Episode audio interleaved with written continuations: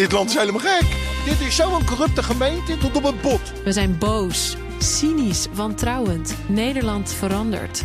We onderzoeken de rol van angst in onze omgang met elkaar, in de politiek, in de geschiedenis. Seizoen 2 van de podcast Polder in de Fik.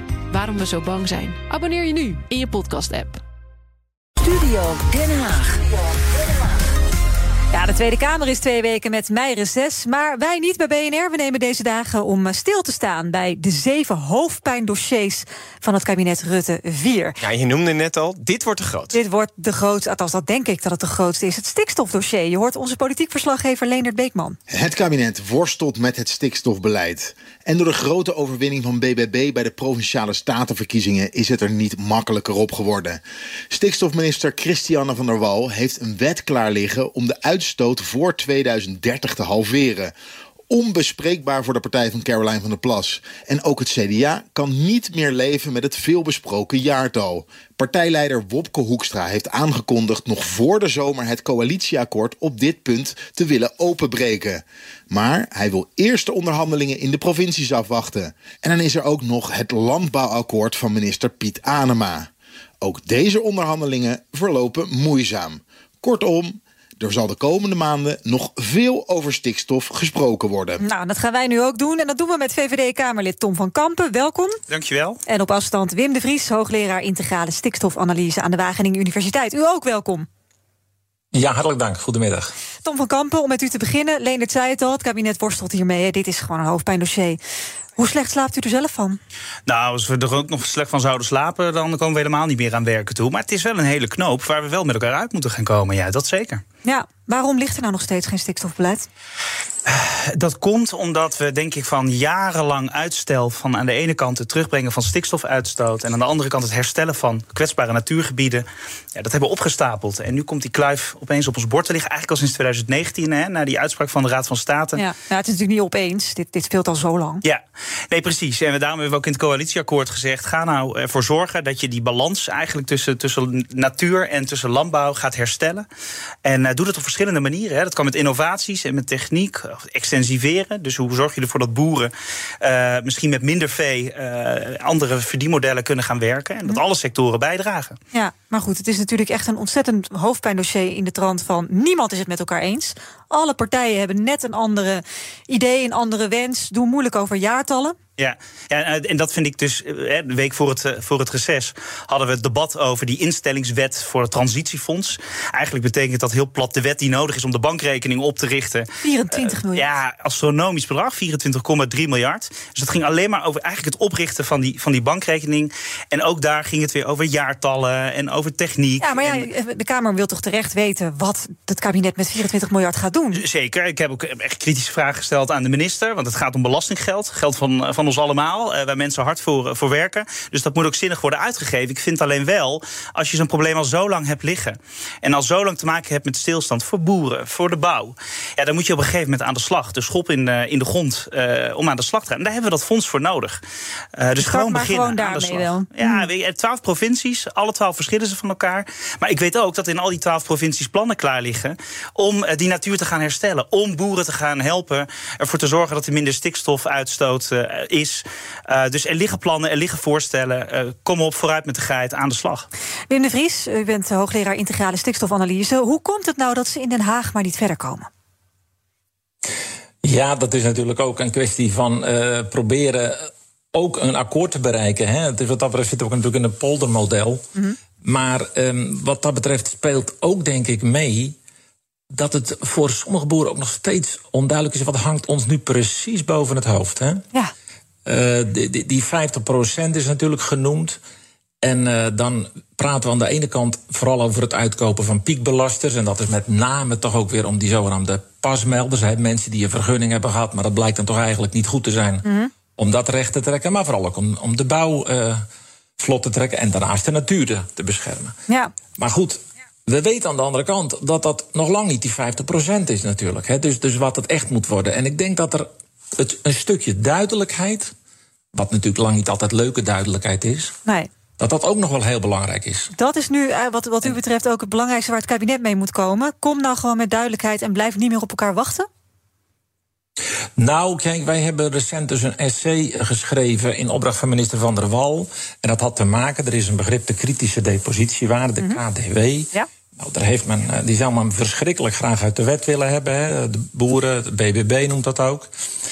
En die kritische depositiewaarde, dat, waarom men daar zo moeite mee heeft, is omdat dat van alles te maken heeft met de vergunningverlening nu Ja. op dit moment. Ja, als je te veel stikstof uitstoot, hè, je zit boven die kritische depositiewaarde, dan krijg je geen vergunning. Zo simpel is het. En daarom ligt er zoveel stil.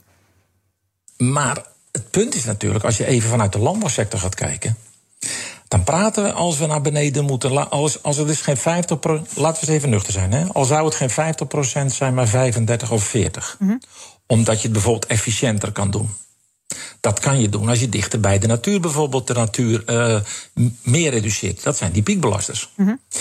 En al zou het geen 2030 zijn of 35, dan nog praten we natuurlijk eigenlijk alleen maar over het naar beneden brengen. Ja. We hebben het niet meer over uitbreiden.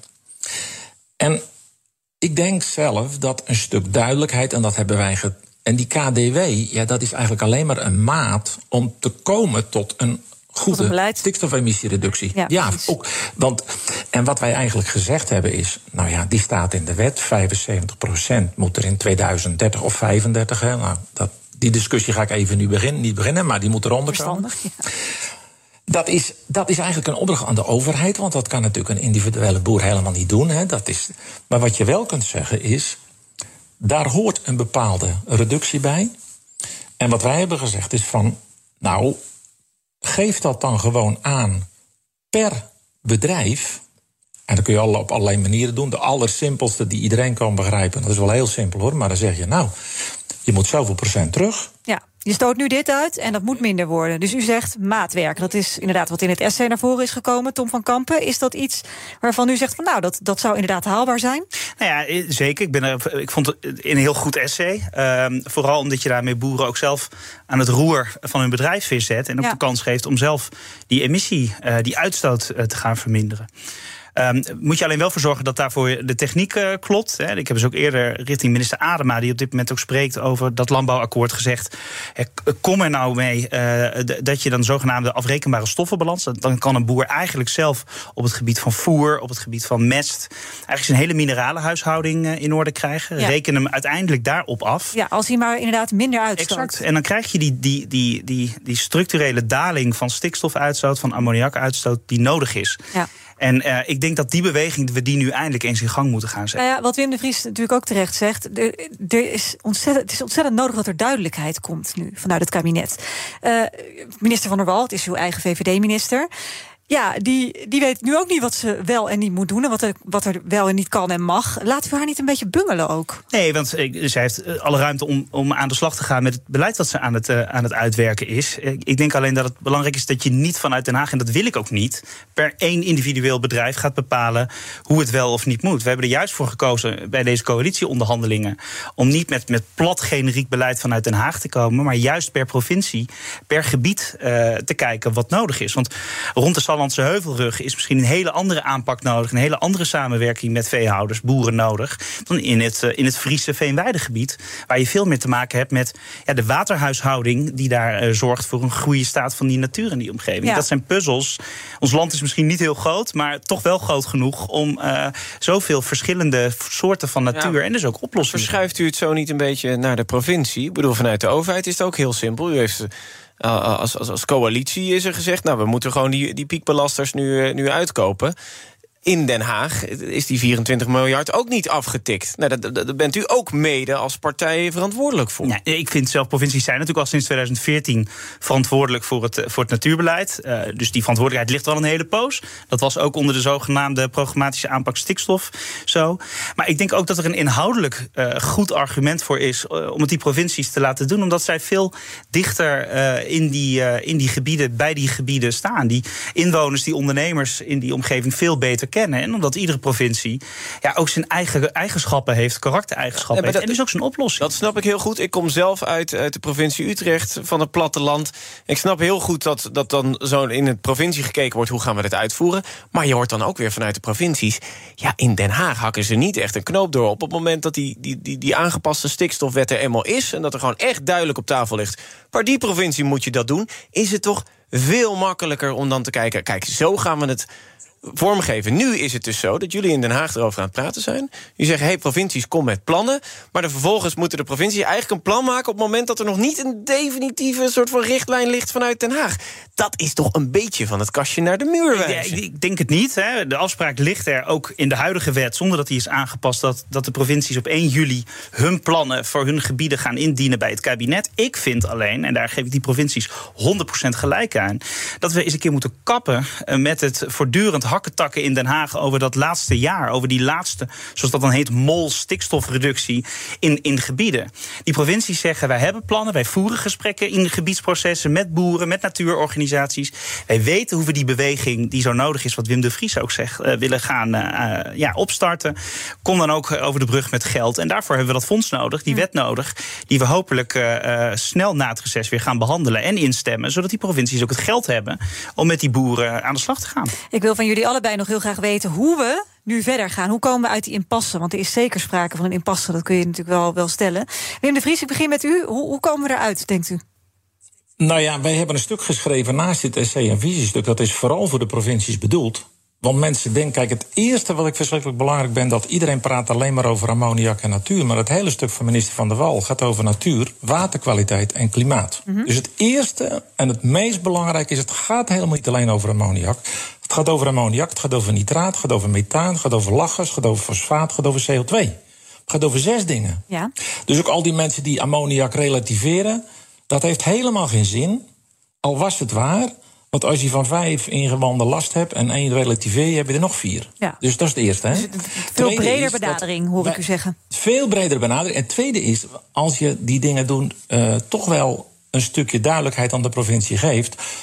Bij die broeikasgassen maakt het helemaal niet uit of die koe bijvoorbeeld van methaan of dat die in Groningen of in Limburg staat. Nee. Bij sommige dingen wel, hè, bij nitraat wel. Dat hebben wij eens een keer allemaal doorgerekend en een stuk geschreven waarin je dan ziet.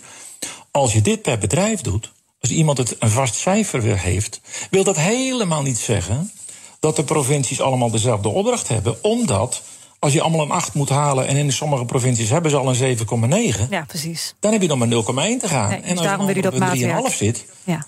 Precies. Nou ja, ik wil alleen maar zeggen, een vaste norm voor een bedrijf betekent helemaal niet dat de opdracht gelijk is, want in ene provincie is het probleem daar veel groter. Ja, helder. En ik denk dat een stukje duidelijkheid daarover, dat hebben wij geprobeerd te geven, dat het provincies wel kan helpen. En Tom van Kampen? Wat is er nodig om uit de impasse te komen nu? Ik haal altijd een hele hoop hoop uit het werkbezoeken die ik doe. En er is werkelijk geen boer uh, die dan zegt: uh, wij steken onze kop in het zand en er is geen probleem. Al die ondernemers willen toewerken naar een oplossing. Maar geef ons dan wel heldere spelregels, heldere afspraken en die beleid wat niet ieder jaar verandert. En ga gewoon aan de slag. Hè. Zorg ervoor dat we die. Wat willen de boeren van u? Ja, die willen duidelijkheid van die overheid. Omdat die overheid de afgelopen. Dat heeft natuurlijk Johan Remkes ook al gezegd in zijn rapport. Die overheid heeft zwabberend beleid laten zien. De afgelopen decennia. Eerst moesten boeren alleen maar produceren. om ja. zo het brood op de plank. Ook Bas van Werven vind je in de BNR-app. Ja, je kunt live naar mij en Iwan luisteren tijdens de ochtendspits. Je krijgt een melding van Breaking News. En niet alleen onze podcast Ochtendnieuws, maar alle BNR-podcasts vind je in de app. Download nu de gratis BNR-app en blijf scherp.